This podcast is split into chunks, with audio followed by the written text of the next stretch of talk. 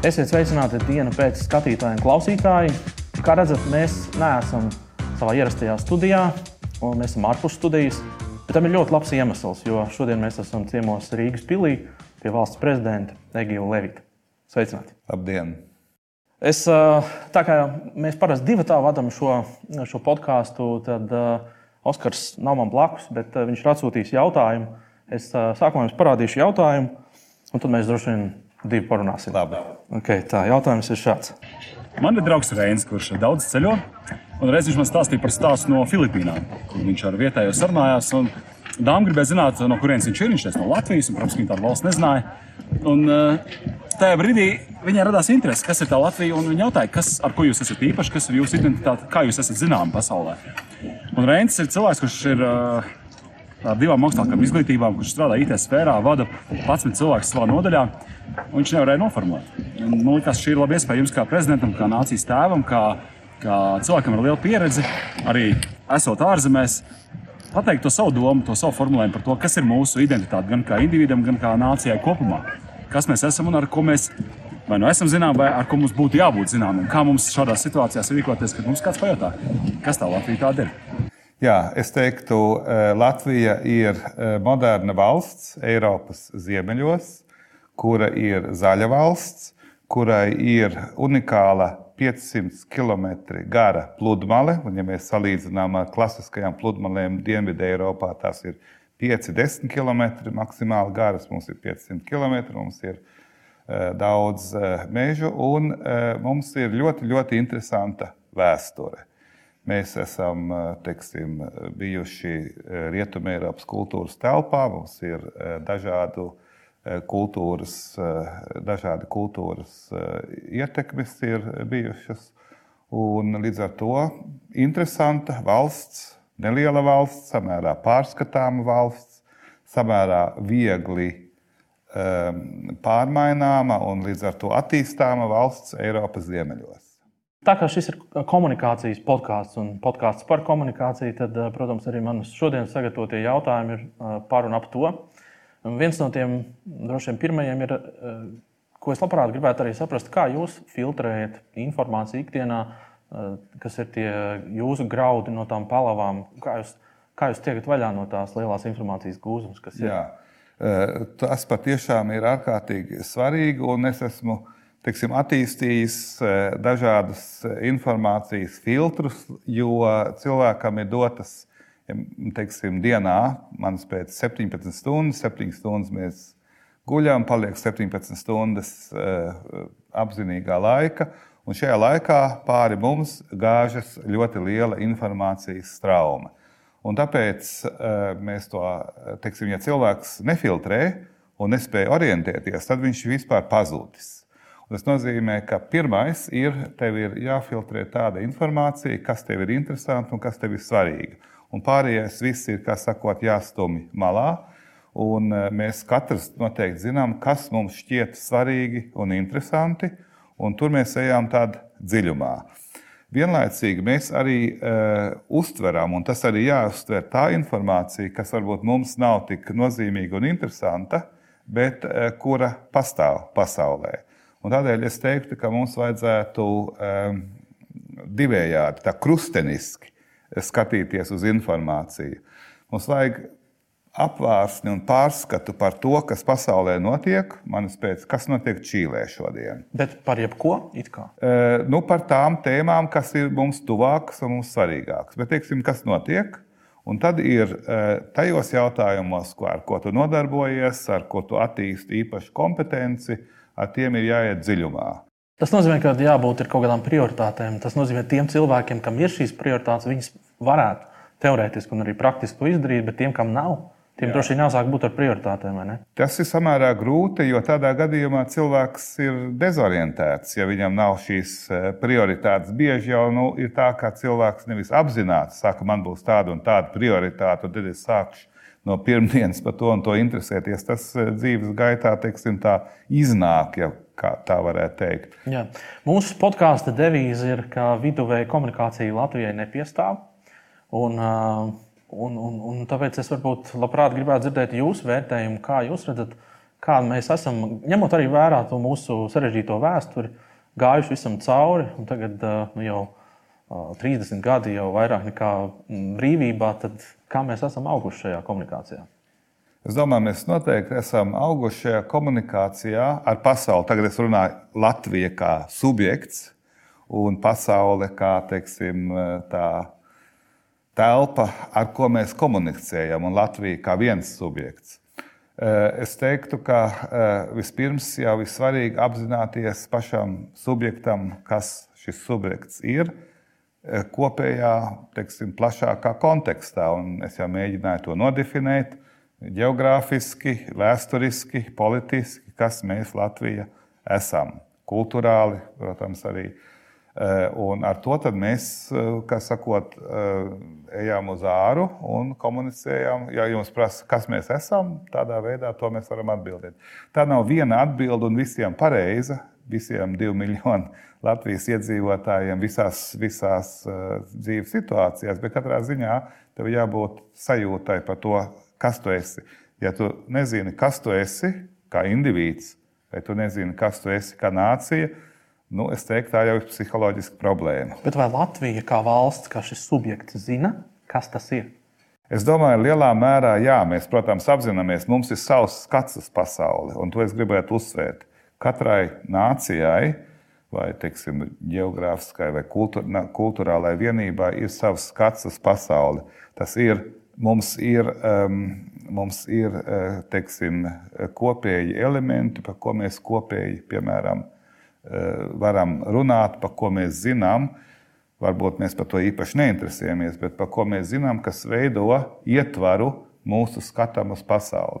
Es gribētu uzsvērt to, ka nav iespējams tieši skatīties uz pasauli bez kultūrālā starpslāņa. Tā kā tu redzi pasauli, līdzīgi, ja varētu salīdzināt caur brillēm, mums ir latviešu brilles, vietnamiešiem ir vietnamiešu brilles un nigēriešiem ir nigēriešu brilles. Un tas rezultāts ir cits, iespējams, pat uz to pašu lietu, bet tas rezultāts ir cits. Un nav tādas, eh, nu, varbūt ļoti, ļoti abstraktā līmenī, tādas universālas brilles, ja mēs visi skatāmies manas pēc. Uz sauli nevajag skatīties, bet, ja mēs visi skatāmies uz mēnesi Nigērijā, Vietnamā un Latvijā, iespējams, ka mums ir līdzīgas eh, izjūtas.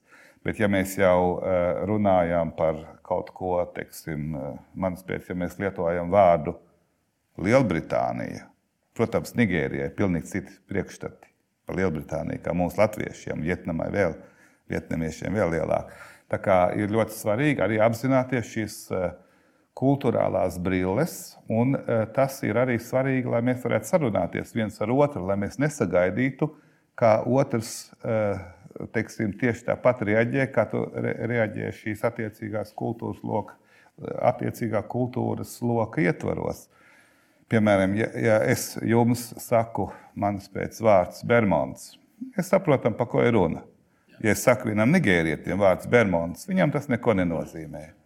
Ja es varbūt tagad latvietim eh, saku vārdu Abuģa, mm, tas droši vien daudz nenozīmē daudziem teiksim, tā, latvietim, es jau vietnamietis pateikt latvietim vārdu Dien Bien Fu, nedomāju, ka latviešiem tas kaut ko nozīmē. Vietnamiešiem tas daudz ko nozīmē. Starp citu, tā ir kauja, ka vietnamieši eh, sakāva franču koloniālo armiju. Kauja pie Dien Bien, Dien Bien Fu.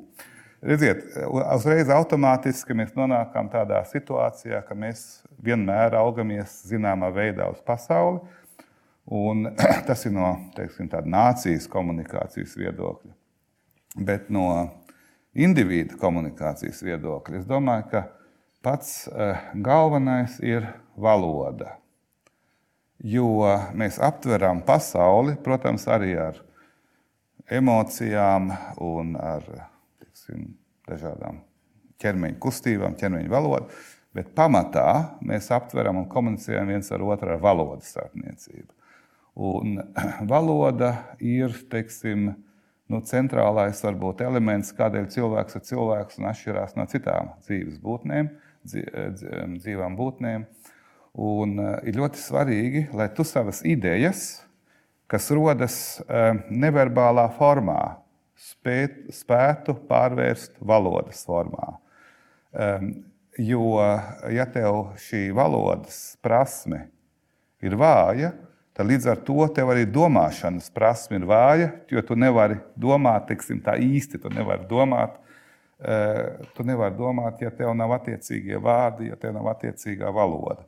Tas nozīmē, ka primitīva valoda nozīmē primitīvu domāšanu, un, ja mēs sakām primitīvu domāšanu, tad principā tu vari teikt arī primitīvs cilvēks. Tā kā valoda lielā mērā ietekmē teiksim, mūsu komunikāciju, un šis komunikācijas līmenis atšķirās arī no valodas prasmes. Um, nu, prasmes tādā nozīmē, ka tu spēj izteikt savas domas. Ir ļoti svarīgi, es varu vienkārši ieteikt, ir klausīties labus podkāstus, arī valodas dēļ, skatīties labas filmas un lasīt labu literatūru. Jo rakstnieki tie, eh, kuriem piemīt eh, spēja, izjūtas izteikt vārdos. Tās izjūtas mums visiem ir, un labs rakstnieks uzraksta, eh, aprakstos vārdos šīs izjūtas, un tieši tāda ir tā izjūta. Bet es līdz šim nebiju spējīgs to noformulēt. Tā kā nu, valoda ir, ir sakot, sākuma, centrālais un sākuma posms komunikācija. Un tad mēs varam domāt, kā mēs ar valodu vien, ar viens ar otru komunicējam. Nu, Paturpinām ar to valodu, jo man, man pat ir viens tāds ļoti spilgts piemērs. Es atceros, ka es intervēju prezidentu Zetleru, un viņš man izstāstīja vienu tādu stāstu, um, kas notika pirms nu, jau vairāk nekā desmit gadiem. Tas bija tas brīdis, kad uz Latviju brauca starptautiskie aizdevēji no Valūtas fonda no komisijas, Eiropas komisijas. Un šeit pat Rīgas pilī Viņš bija sapulcējis um, politiķus no visām tām partijām. Viņi bija sanākuši un diskutēja. Un blakus telpā atradās tie starptautiskie aizdevēji. Viņš viņus speciāli turēja ārpusē. Un uh, šīs politiskās partijas savā starpā tur, tur viena pa otru tur bravūrīgāk, un ko mums vajag, un kādas tās prasības. Un, un mēs tagad darīsim tā, un neļausim citiem mūs pāraudzīt un pārvaldīt. Un tad Zetlera kungs viņš, viņš, viņš teica, nu, tad pajautāsim viņiem pašiem. Viņš atvēra tās durvis un ielaida iekšā tos aizdevējus starptautiskos. Un tajā brīdī viņš teica, bija pilnīgs klusums telpā. Viss bija mierīgi kā jēriņi, nebija vairs nekādas komunikācijas. Tad, kad es teicu, nu, lūdzu, tagad visu to, ko jūs man, man te stāstījāt, atstāstiet vārds vārdā. Šeit neviens nav varējis muti pavērt un, un, un komunicēt kas viņš teica, viņa izpratnē tas toreiz bija teica, tāda nevarība, tāda tā kā, tā, tā kā nu, mēs savā mājās esam skaļi un, un varam izrunāties, bet tad, kad ir jārunā pie tā lielā galda, tad čūšana vien tur ir. Tad Latvijas labāk klusēs nekā kaut ko skaļāku vārdu pateiks. Tā daļai varbūt ir taisnība, bet tas jau ir nākamais līmenis. Pirmkārt, cilvēkam ir jāprot formulēt. Un es domāju, politiķi ir tieši tā, Eh, teiksim, eh, profesija vai, vai amats, kur tev jāprot formulēt domas. Un jāprot formulēt, vispirms ir runa par formulēšanu tikai. Formulēt domas tā, lai uh, tavs klausītājs tevi saprastu.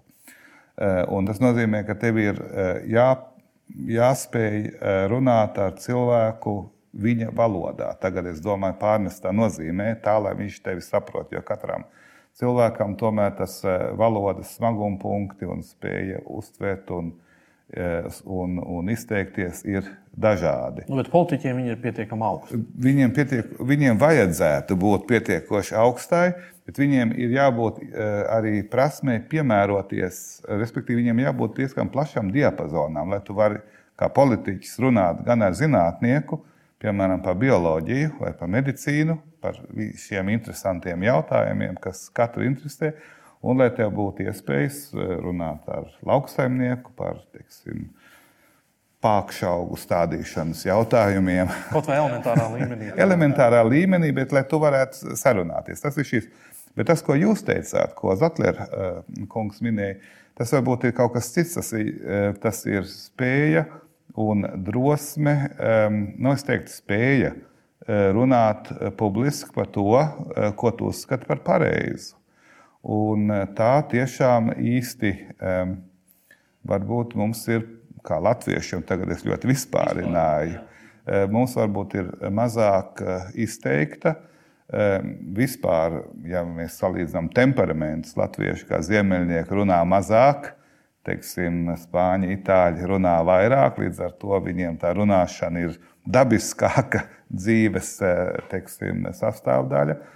Un, un es teiktu, ka uzdrošināšanās un spēja runāt un formulēt it sevišķi ar citas kultūras, kultūras loku pārstāvjiem. Es domāju, ka tā paši latvieši varētu varbūt strīdēties vēl. Un, tā, bet, ja tev jārunā ar citas kultūras loku pārstāvjiem, tad bieži mēs rotam nedrošību. Nedrošību tādēļ, ka varbūt valoda netiek tik labi pārvaldīta.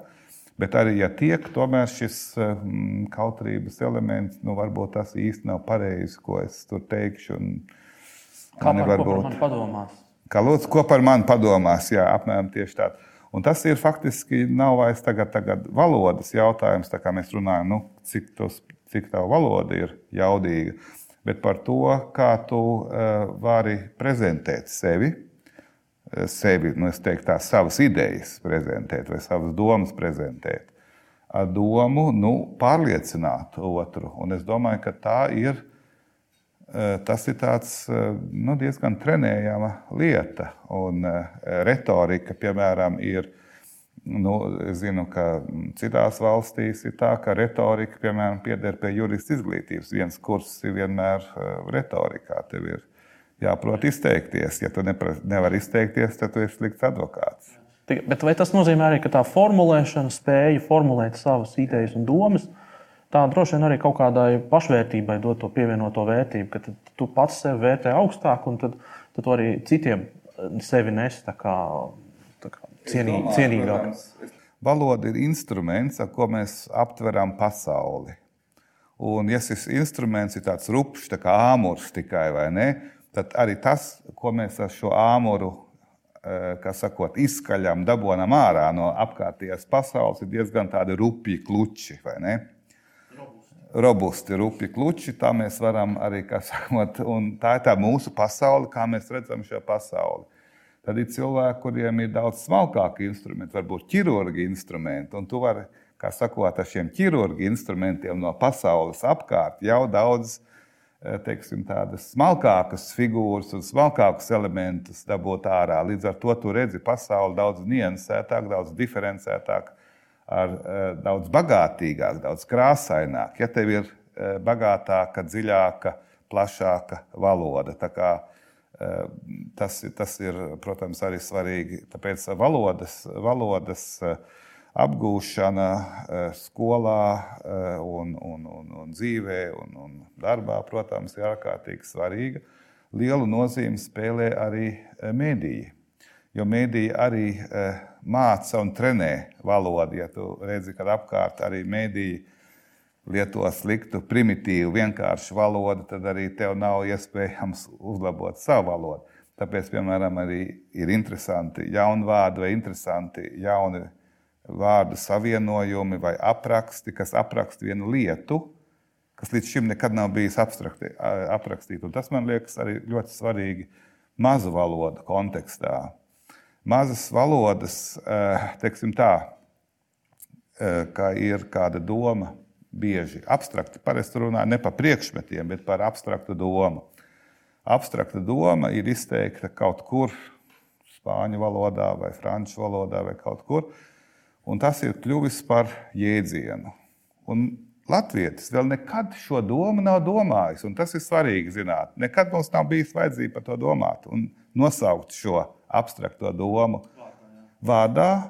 Un līdz ar to, ja mums nav šī vārda vai šī frāze, mēs arī mums viņa nav. Mums vienkārši mēs to neredzam pasaulē. Tas, ko daudz jauniešu saka, viņi argumentē tieši šādā, šādā veidā, ka viņi saka, mums jau tā valoda ir pārāk maza, tāpēc es labāk izteikšos angliski. Nu, tas, tas ir tas, teiksim, viena reakcija. Otra reakcija, tā ir tā vienkāršākā reakcija. Tad izteiksimies angliski, tāpēc ka tas nav neiet runa tikai par vienu jēdzienu, bet arī par teiksim, domu kādā, piemēram, kādā teiciena veidā, vai nekam ir sava jēga, kas nav tikai vārdu savienojums. Eh, un tāpēc latviešiem, kā skaitliski nedaudziem runātājiem, ir daudz lielāka uzmanība jāpievērš savas valodas kopšanai, lai mēs varētu latviešu izteikt visas domas, kas ir izteiktas jebkurā pasaules valodā. Un tas prasa arī nedaudz citu attieksmi pēc, pret valodu no mums pašiem, jo mūsu valoda tai ziņā ir diezgan konservatīva un jauni vārdi tiek pieņemti tikai tad, kad nu, tie ieietās. Tas, protams, ir labi un pareizi, bet mums vajadzētu būt būt daudz atvērtākiem un pašiem radīt jaunus vārdus, jaunus jēdzienus, jaunus aprakstošus jēdzienus, lai izteiktu jaunu domu. Un ir vienmēr ļoti labi un interesanti dzirdēt kādu neparastu, neparastu domu, eh, neparastu, ar neparastiem vārdiem. Eh, piemēram, vācu valodā tas ir ļoti vienkārši, un principā arī mums, latviešiem, šī iespēja ir, ka tu saliec divus vārdus kopā, un tev radās pilnīgi jauns vārds vienreizējai lietošanai. Un neviens eh, par to nebrīnās. Te nevajag vairāk, tas ir vienreizēji lietošanā, mēs te zinām, un eh, pēc tam mēs to vārdu aizmirstam. Jūs pats esat ieviesis. Es pats esmu ieviesis, jā. Un, piemēram, uh, nu, viens no pazīstamākajiem vārdiem ir valsts griba, kas nav valsts un nav griba, bet valsts griba ir kaut kas ļoti specifisks. Šīs ļoti labas domas pēdējās, pēdējā piecminūtēs, labprāt, tādas, tādas ātros jautājumus, ātrās atbildes par komunikāciju. Um, ko, jūs, uz, ko jūs domājat par šobrīd Latvijā, ne, bet vispār visā pasaulē? To uzvaras gājienu, kas ir populismam. Nu, populismu varētu teiksim, definēt kā muļķīgas atbildes uz jēdzīgiem jautājumiem. Um, tas nozīmē, ka pamatā šie jautājumi vairāk vai mazāk jēdzīgi cilvēki izjūt šo problēmu. Uh, varbūt īsti arī nespēja redzēt to kontekstu, kāpēc šis jautājums ir radies, un viena vienkārši viena muļķīga atbilde. Uh, kura, ja mēs mēs ņemtu šo atbildi nopietni un mēģinātu analizēt, mēs redzam, ka tā ir neiedzīga atbilde uz iedzīgu jautājumu. Un eh, tas ir saistīts ar eh, to, ka um, mēs kā indivīdi demokrātijā, mūsdienīgā demokrātijā, esam ar vien līdzdalīgāki. Redziet, kā viens vārds - līdzdalīgāki. Tas nozīmē, ka mēs eh, ar vien vairāk runājam līdzi par dažādiem jautājumiem. Mums ir iespējas izteikt savu viedokli. Piemēram, Facebookā tev ir, ir, ir, ir iespēja izteikt viedokli, kas varbūt agrāk nebija, ar laiku, ja, ar tikšķi, tīkšķi, atceros, ar tīkšķi. Ja. Tā tad, un tu izsaki savu viedokli, ka tev tas patīk vai nepatīk. Un tā, protams, ir. Eh, tu neesi, to, protams, izpētījis šo jautājumu, bet tu pieliec tīkšķi. Tad tu iedod valūtu, tu kā iedod valūtu tam tai ziņai. Tieši tā, un tas ir apmēram tāda mirkļa, eh, kā sakot, eh, mirkļa izjūta. Un, un līdz ar to faktiski tu vairāk par to nedomā. Pirms tam neesi domājis, pēc tam neesi par to domājis. Bet teiksim, nopietni jautājumi prasa nopietnu analīzi, nopietnas pārdomas un izšķiršanos un tam līdzīgi. Un mums nav ikdienā laika par to domāt. Bet nu, mēs paši esam Mums patīk izteikt savu viedokli, es teiktu, mums patīk arī izteikt savu viedokli par lietām, ko mēs īsti nezinām. Un beigu beigās šis ir kā tīri normāla cilvēciska teiksim, rīcība, cilvēciska izturēšanās. Politiskā līmenī noved arī pie populisma, jo mums arī tīk Eh, kā sakot, ātri un vienkārši atbildi, kas uz pirmā acu uzmetienu varētu šķist, un es saku, šķist, varbūt pareiza, bet eh, nedaudz tuvāk apskatoties, tā ir nepareiza uz vienu jautājumu, kas mūs interesē. Un tas ir šis populisma pamats. Eh, un populisma pamats, teiksim, šis populisms tiek vairots arī caur sociālajiem mēdījiem, digitālām tehnoloģijām, kas agrāk varbūt tā īsti nebija iespējams. Nu, piemēram, varbūt mēs eh, divi tā kaut ko, kā sakot, sakām, tas man patīk, un tas nepatīk, un tas ir galīgs nejēga kā politiķis. Eh, bet tam nebija īsta nozīme pasaulē, ne? ko mēs tā iepriekš runājām. Bet tagad tam ir nozīme, jo tas, ko mēs te runājam, mēs varam to dalīties ar citiem, un tas kļūst nozīmīgs. Bet tas nenozīmē, ka mūsu analīze ir kļuvusi dziļāka kā līdz šim. Un tāpēc es redzu, ka populismam ir cieša saite, sasaisti arī ar, ar šo sociālo tīklu eh, nozīmes at, palielināšanos, attīstību. Jā. Es, es tieši tagad atceros, no, tagad, kad jūs to minējāt, no savas arī žurnālistikas karjeras, ka kādreiz politiķus tiešām vajadzēja pa koridoriem meklēt un dzenāt rokā un gaidīt un slēpties. Tagad viņi paši nāk, nu, viņi paši nāk un, un, un ir gatavi stāstīt, runāt par jebkuru tematu un tā tālāk. Jā, nu, politiķi, protams, jūt, ka viņi lielā mērā atkarīgi no šīs eh, piekrišanas daudzos eh, gadījumos un meklē šo piekrišanu.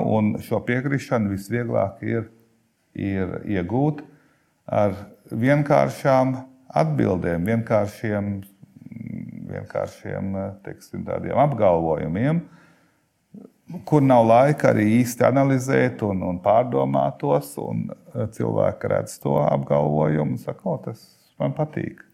Laiks vai teiksim, citādākā veidā. Tā kā, protams, tas viss, kā sakot, šeit tiešām ir viens jautājums par mūsu demokrātisko lēmumu kvalitāti. Tā, protams, arī ir teiksim, nu, zināmā veidā nu, par to jādomā, lai pārmērīgi nesamazinātu mūsu valsts lēmumu kvalitāti šādā veidā. Nu jā, un noslēdzošais jautājums.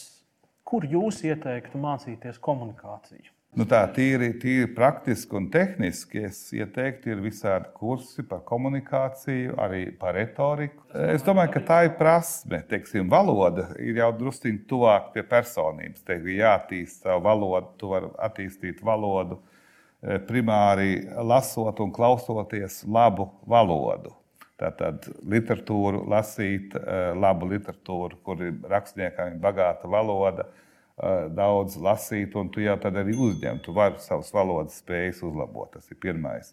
Bet tiešām to komunikāciju tagad aktīvi, lai mums būtu tāda jēgpilna, jēdzīga komunikācija, kā mums būtu pietiekoši argumentācijas līmenis, ka mēs spējam viens otru pārliecināt vai vismaz vienoties, kur ir, kur ir šīs atšķirības.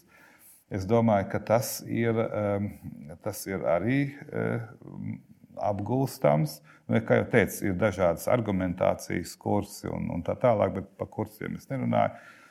Eh, es teiktu, drīzāk eh, klausoties cilvēkus, kuri prot labi komunicēt. Tā sanāk, būt viņu starpā, kaut vai arī kaut varbūt ne tiešā veidā, Jā. ja tas ir tik. Nu, ja ne tiešā, mēs varam skatīties televīzijā, klausīties podkāstos vai lasīt eh, rakstos teiksim, kā, kā to teiksim. Es domāju, tas ir tiešām eh, tas ir apgūstama šī, šī spēja un šī māksla. Un tad, protams, vēl psiholoģiskais jautājums eh, nu, pārvarēt nedrošību runāt. Teiksim, runāt nu, teiksim, visvienkāršāk ir runāt tieši ar vienu cilvēku. Patiešo es domāju, ka tur varbūt nav tik liels problēmas jau lielākā grupā, teiksim, cilvēki 15, 20 sēž ap galdu un teikt, man šeit ir ar ko teikt. Un tad, protams, arī varbūt, tas varbūt retāk cilvēkiem nāk priekšā runāt televīzijā vai runāt eh, radio vai uz skatuves kā aktierim. Vārds sakot, izmantot visas iespējamās izdevības, kādas vien ir. Sākot ar tostiem un beidzot ar publikumu. Jā, tieši tā, tosts ir labs. Tostu mēs, eh, kā sakot, arī teiksim, tādā veidā ikdienišķā, ģimeniskā vai draugu lokā arī, arī kā sakot, tas tāds labs treniņš.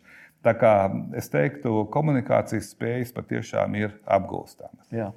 Prezidents Kungs, liels paldies, ka bijāt mūsu viesis šodien. Jā, paldies jums!